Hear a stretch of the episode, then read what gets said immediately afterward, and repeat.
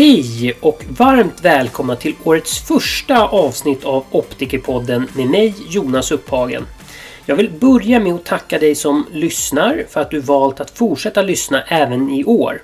I dagens avsnitt ska vi tillbaka till myopidagen 2019 och fortsätta prata kring myopikontroll och komplikationer associerade till närsynthet. Vi ska börja med att lyssna till mitt samtal med optometristerna Gabby Steenbeckers och Lovisa Fagerlund som under myopidagen föreläste gemensamt två pass kring tankar om hur man kan arbeta med ortok och MySight för bästa resultat inom myopikontroll.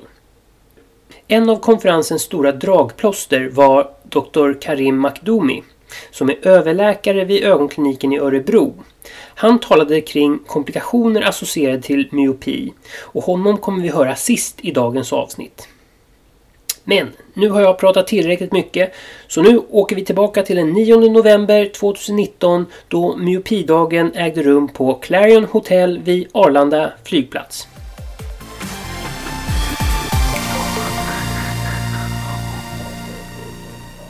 Now we have moved to a more quiet room to talk to Gabi Steinbeckers and Lovisa Fagerlund, and this part we will take in English.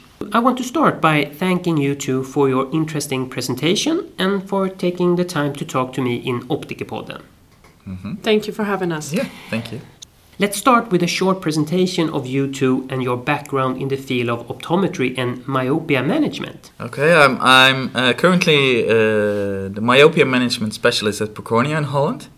And I started this year in that function, but before that, I worked uh, for 28 years in practice, as first as an optician and later as an optometrist, and built some myopia management practices in private practice in Holland.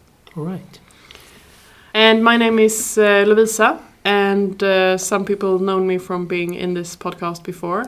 Uh, I work for Cooper Vision with uh, professional services, which is educational uh, things for optometrists. Can we just start with uh, you explaining what myopia management is and which products are available for myopia management or myopia control? So, myopia management is the interventions we use to make sure that the eye doesn't grow uh, longer. Because we don't want the eye to be too long, because the longer the eye grows, the higher the risk of pathology. So, any type of myopia management will be some type of, in our case, optical intervention, either ortho K or MySight, so a dual focus design. Uh, but you could also use atropine, for example, or some spectacle options that we will hear more about this afternoon that has just come to market. Is there something you want to add? Uh, yeah, there's also one extra intervention for optics is that the tailor-made one we make at Procornia. If you got like exotic eyes, like big eyes, steep corneas, high prescription, um, that's also an option, like Louisa mentioned, besides the MySight and Ortho-K. And I think that are three really good options for uh, doing myopia management in practice. But uh, why should an optometrist recommend myopia treatment?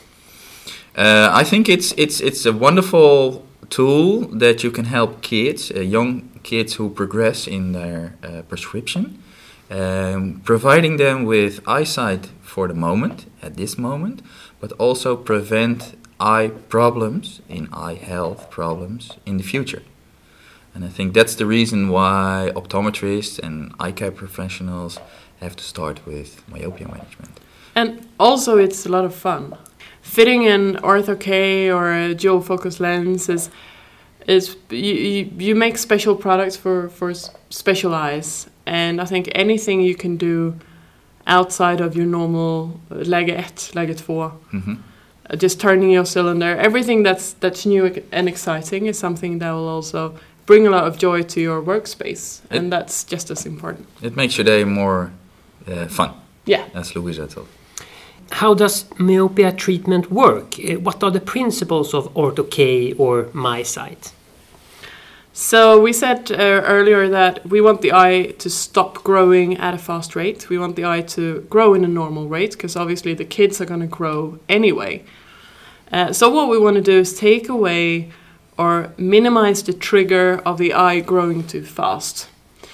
That is done in uh, both ortho K and soft contact lenses, even though it might be a, a, for a special eye or in, in the MiSight, uh, by moving the, the image that in a, a, corrected myopic eye is behind the retina, so the periphery is behind the retina in, uh, in correction, and move that back onto the retina.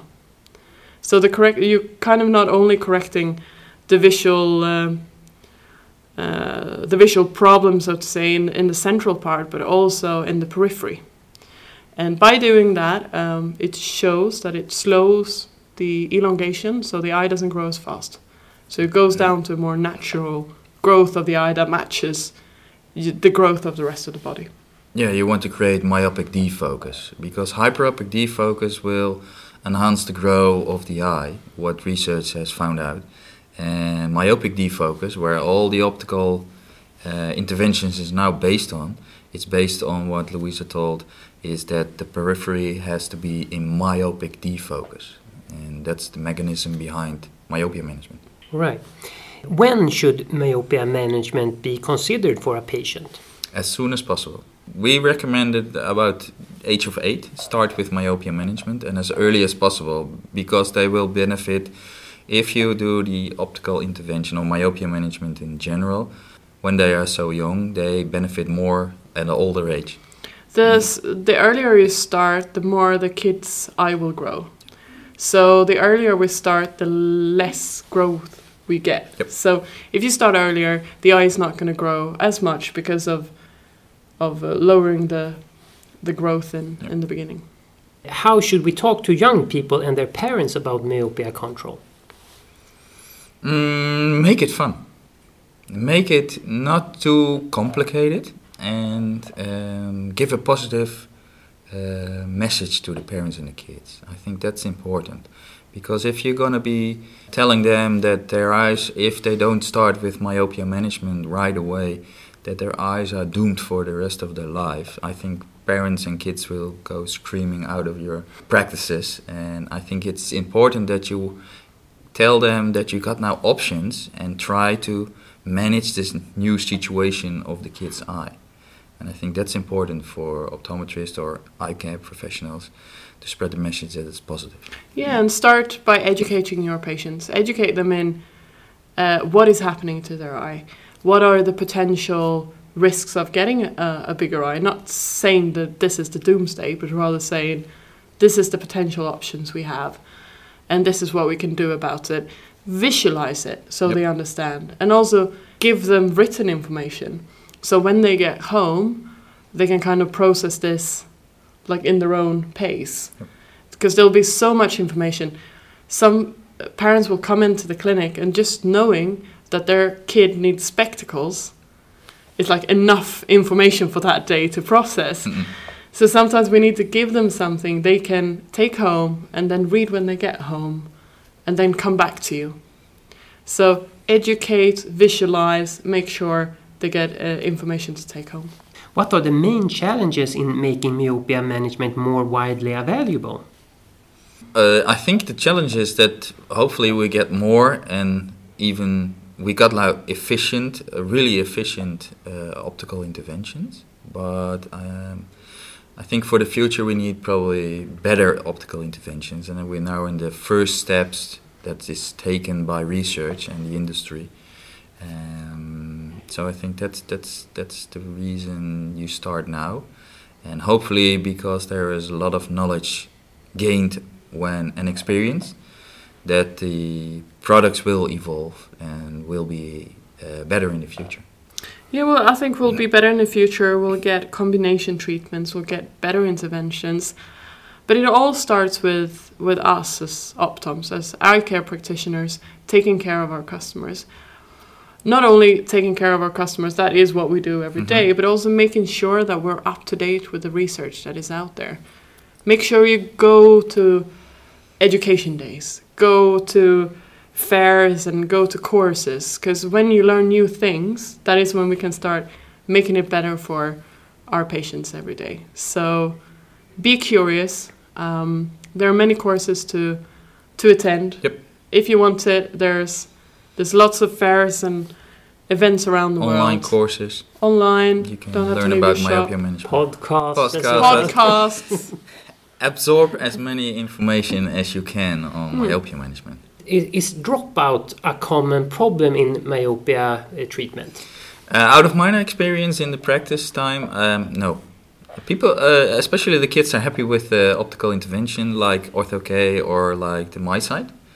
And my experience is that, that there is hardly any dropout. Uh, especially when I fitted the kids uh, for the first time with MySight. After one year, I checked them up and see how many people, how many dropouts I've got, and I've got in the practice what I worked and uh, zero dropouts. Kids are really happy about the the optical interventions they are provided with.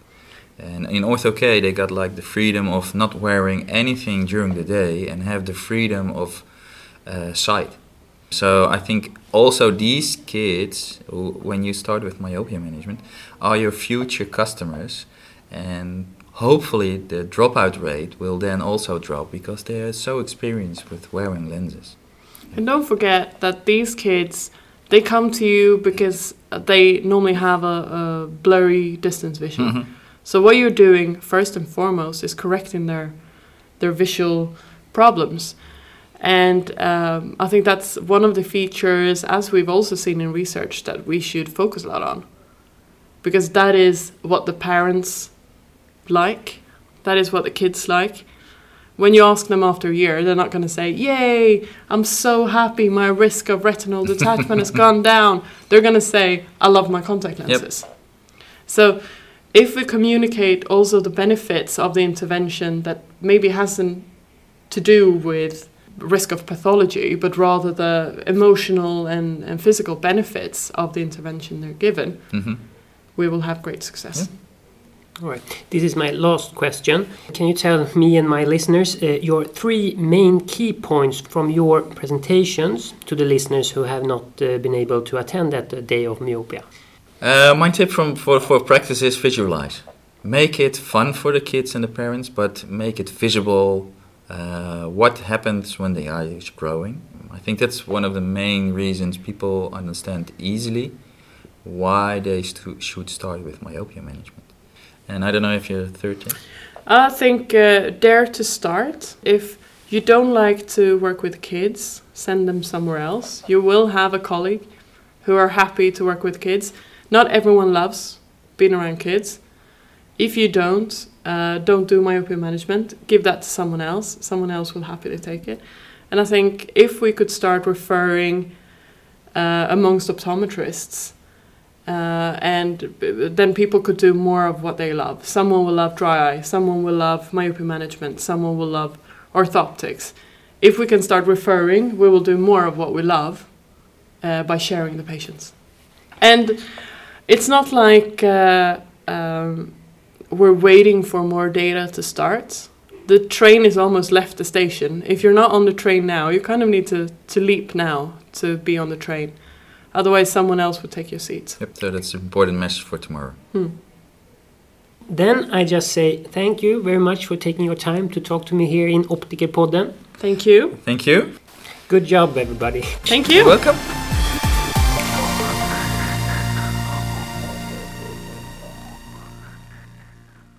Vi tackar här med Lovisa och Gabby för att det tog sig tid att prata i Optikerpodden. Och nu går vi vidare och lyssnar till mitt samtal med ögonläkare Dr. Karim Makdoumi som kommer prata kring komplikationer associerade till myopi.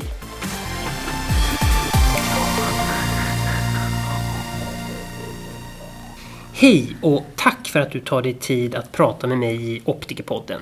Tack. Ja, jag måste ju börja med att tacka för en väldigt spännande presentation Tack. och som vanligt så kan vi börja med att du ger lyssnarna en kort presentation utav dig och din bakgrund inom ögon. Jag heter Karim Makdoumi och är ögonläkare, överläkare och jobbar på ögonkliniken i Örebro bland annat. Jag har varit specialist sedan 2010 och jobbar mestadels med kataraktkirurgi och näthinnekirurgi. Så att det är mina inriktningsområden. Då. Sen har jag forskat lite på keratiter bland annat och lite andra saker också. Men det är huvudområdena. Okej, spännande. Vad vet vi idag? Varför blir vi närsynta? Vad vi vet om närsyntesutveckling, så som jag har förstått det utan att vara expert på just myopiutveckling, är ju att genetiken är av stor betydelse. Vi vet också att vår livsstil är av stor betydelse. Att man ser mycket på nära håll, Eh, att man har avsaknad av bra ljusförhållanden, att man inte har bra utomhusaktivitet, att man inte spenderar tillräcklig tid utomhus är av, av betydelse. Så dåliga ljusförhållanden, närseende och vår genetik är av stor betydelse. Och i synnerhet då avsaknad av att man då inte avbryter. Att man ackommoderar väldigt mycket och sen inte, eh, inte tar pauser i studerande och så eller tittande på skärmar. Eh, ger ju då myopi och den här progredierande myopiutvecklingen. Är myopi ett riktigt problem? Behövs det behandlas? Myopi är ju i sig inte ett jättestort problem. Men däremot så är ju komplikation, det finns allvarliga komplikationer till myopi. Eh, och i synnerhet i gruppen med grav myopi så kan man drabbas av reella komplikationer och med den utveckling vi ser över världen så, så måste man nog ändå betrakta myopi som ett stort problem och även WHOs rapport understryker ju att myopi i sig är ett stort hot mot den framtida synhälsan. I synnerhet i gruppen då grav myopa. Varför är närsynthet mer förekommande i Asien? Genetiken är ju av betydelse. Man har ju identifierat både ett antal genetiska lokus för refraktiv utveckling och för myopiutveckling. Man vet att närsynta föräldrar får som regel närsynta barn. I tvillingstudier finns det stor, stor koppling mellan att, eh, att, att tvilling, tvillingpar helt enkelt blir närsynta. Sen är ju livsstil väldigt viktiga faktorer. Eh, I Kina så vet man ju att för 60 år sedan så var det 10-20 procent av, jordens, av eh, Kinas befolkning som var närsynta. Idag är över 90 procent av de unga närsynta. Så livsstil är ju väldigt hårt kopplat till myopiutveckling där ackommodation och titta på nära håll, avsaknad av utomhusaktiviteter är av stor betydelse för myopiutveckling. I, I Östasien så har man ju väldigt stort fokus på, på studier. Så att eh, jag skulle förmod, jag skulle väl misstänka att, att genetiken i kombination med livsstilen är väl de faktorer som påverkar det. Men den myopiutveckling som har skett över tid eh, måste ju bero på livsstilsfaktorerna. Det var långt svar. Ja, nej, det, jag gillar långa svar. Du pratade ju mycket nu om myopi och de komplikationer som kan uppstå vid ökad närsynthet. Så det tänkte jag att vi ska koncentrera oss lite extra på i det här samtalet. Vart skulle du säga går gränsen för myopi som kan ge ökad risk för ögonkomplikationer? Ja, myopi enligt WHOs definitioner, som de har ju en rapport som WHOs myopirapport. Eh, där, där, inkluderar man ju alla som har minus 0,5 dioptrier och mer. Så det blir en väldigt bred definition. Det innebär ju att man hamnar på ungefär 27 procent av jordens befolkning som 2010 då hade myopi. Eh, hög myopi enligt WHO är minus 5 dioptrier eller mer och grav myopi eller degenerativ myopi brukar man ju räkna med 6 dioptrier eller mer. Sen enligt WHO, även föreläsaren som vi hörde senast, eh, Monica Jongs från International Myopia Institute, så är ju varje dioptri ökar ju risken för komplikationer ändå. Och det ser man ju lite på olika tillstånd, allt från näthinneavlossning till, till makuladegenerationer. Då nu när du är inne på olika sjukdomar här. Med ökad myopi ökar ju även risken för vissa ögonsjukdomar. Kan du berätta vilka? Ja, de som jag berörde i föreläsningen var ju egentligen fyra grundtillstånd. Det var ju katarakt, glaukom och makulasjukdomar och retinala sjukdomar på olika sätt. Och sen de retinala sjukdomarna är ju olika tillstånd där bland annat stafylom diskuterades och vitromakulära tillstånd som vi ser då in, inom det bakre segmentet. Att skador på näthinnan ökar då näthinnan töjs ut, det kan jag förstå. Men hur kan risken för katarakt öka vid eh, grav myopi? Det är en jättebra fråga. Eh, för det är ju mycket inom mekanismerna som är lite oklart. Både vad gäller kataraktutveckling, glaukomutveckling och förändringar i makula. Men ögat är ju mer utdraget vid myopi och det innebär ju att också koroidea eller åderhinnan blir ju tunnare Och den har en tendens till att, splittra upp sig så man får ett sämre skydd mot oxidativ stress som förmodligen då i alla fall kan bidra till makulaförändringarna och även kataraktutveckling. Då. Vad är oxidativ stress när vi pratar myopi och katarakt? Oxidativ stress är ju när kroppen bildar fria syreradikaler.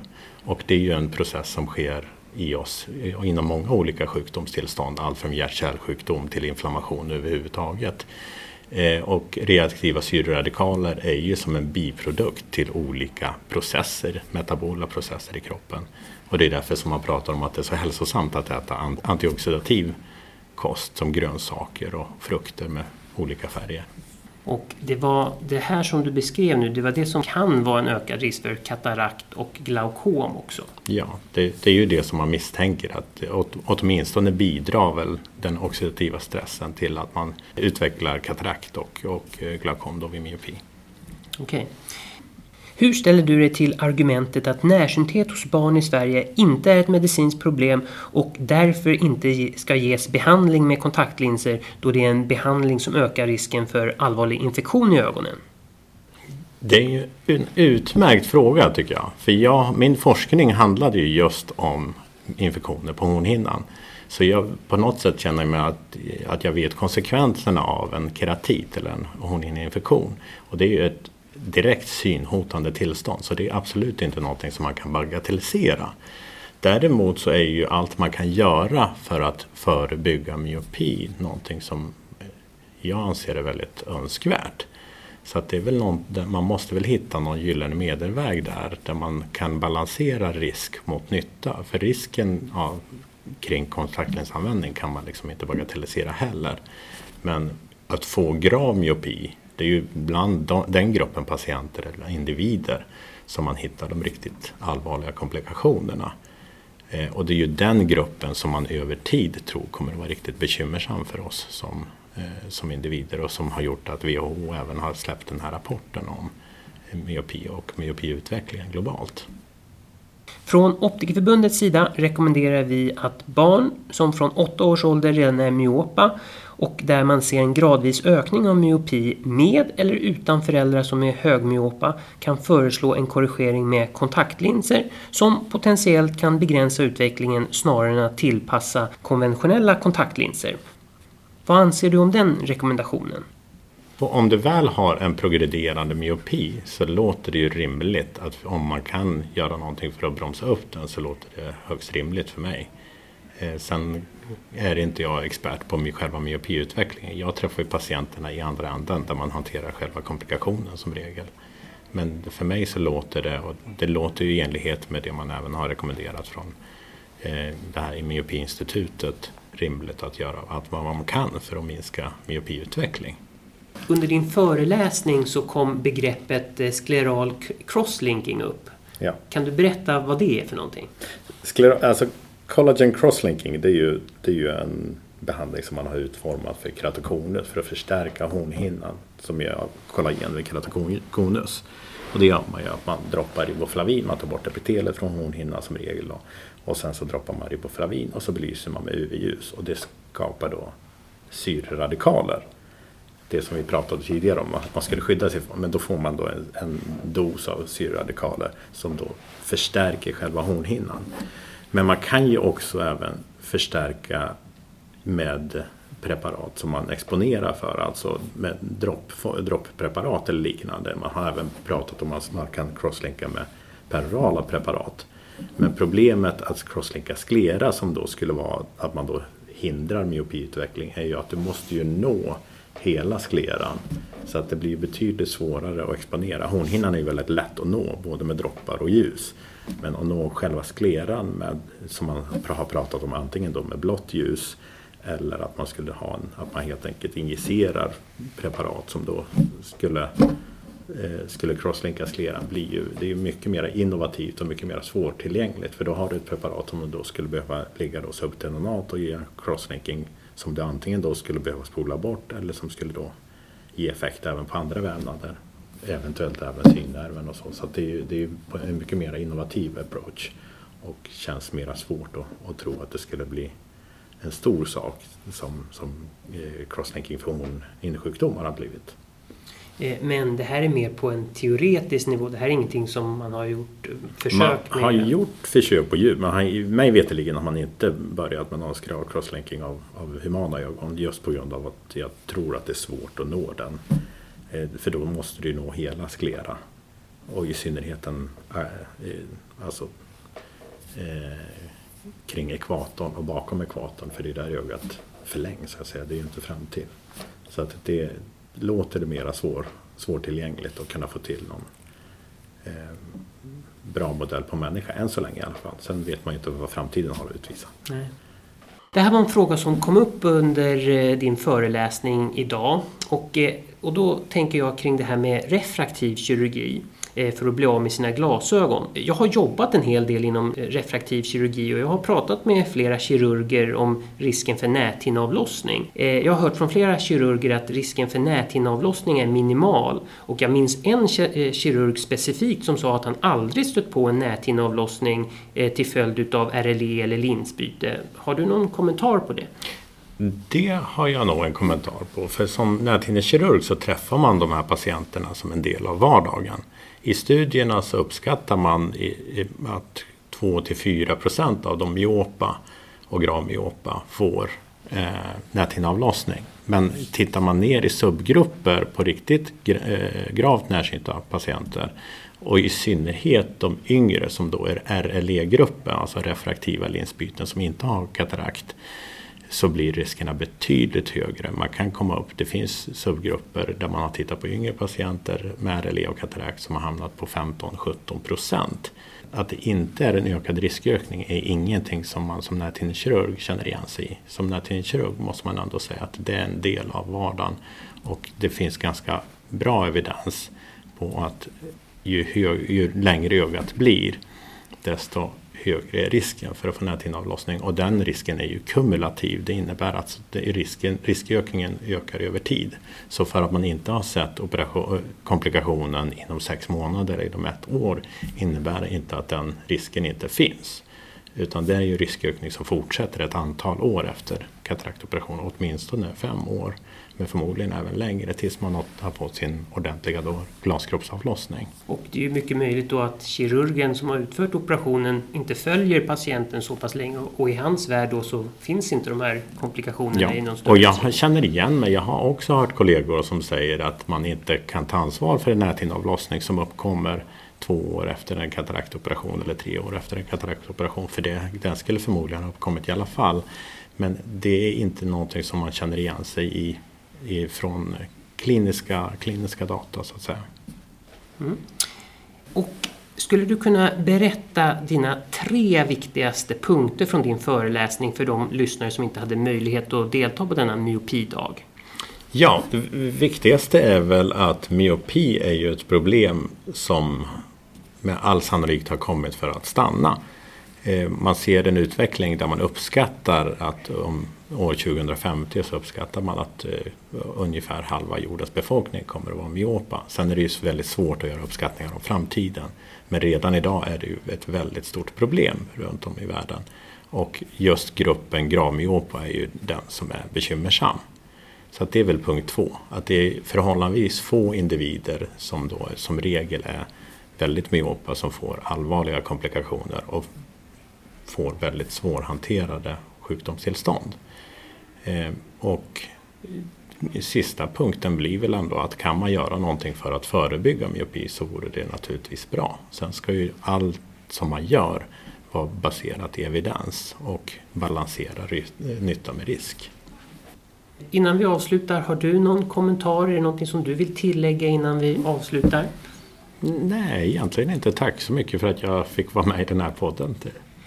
Ja, men då tackar jag så jättemycket för att du tog dig tid att prata med mig här en stund i Optikerpodden. Tack!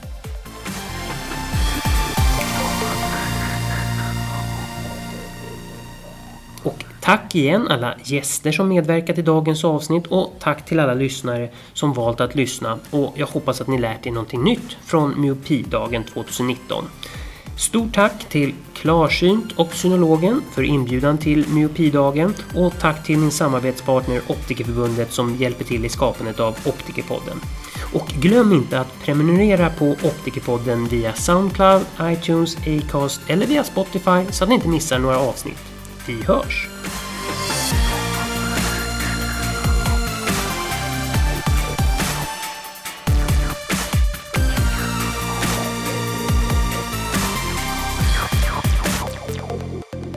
So, uh, and Lovisa is a famous uh, optometrist in this podcast. we have done this many times, it feels like.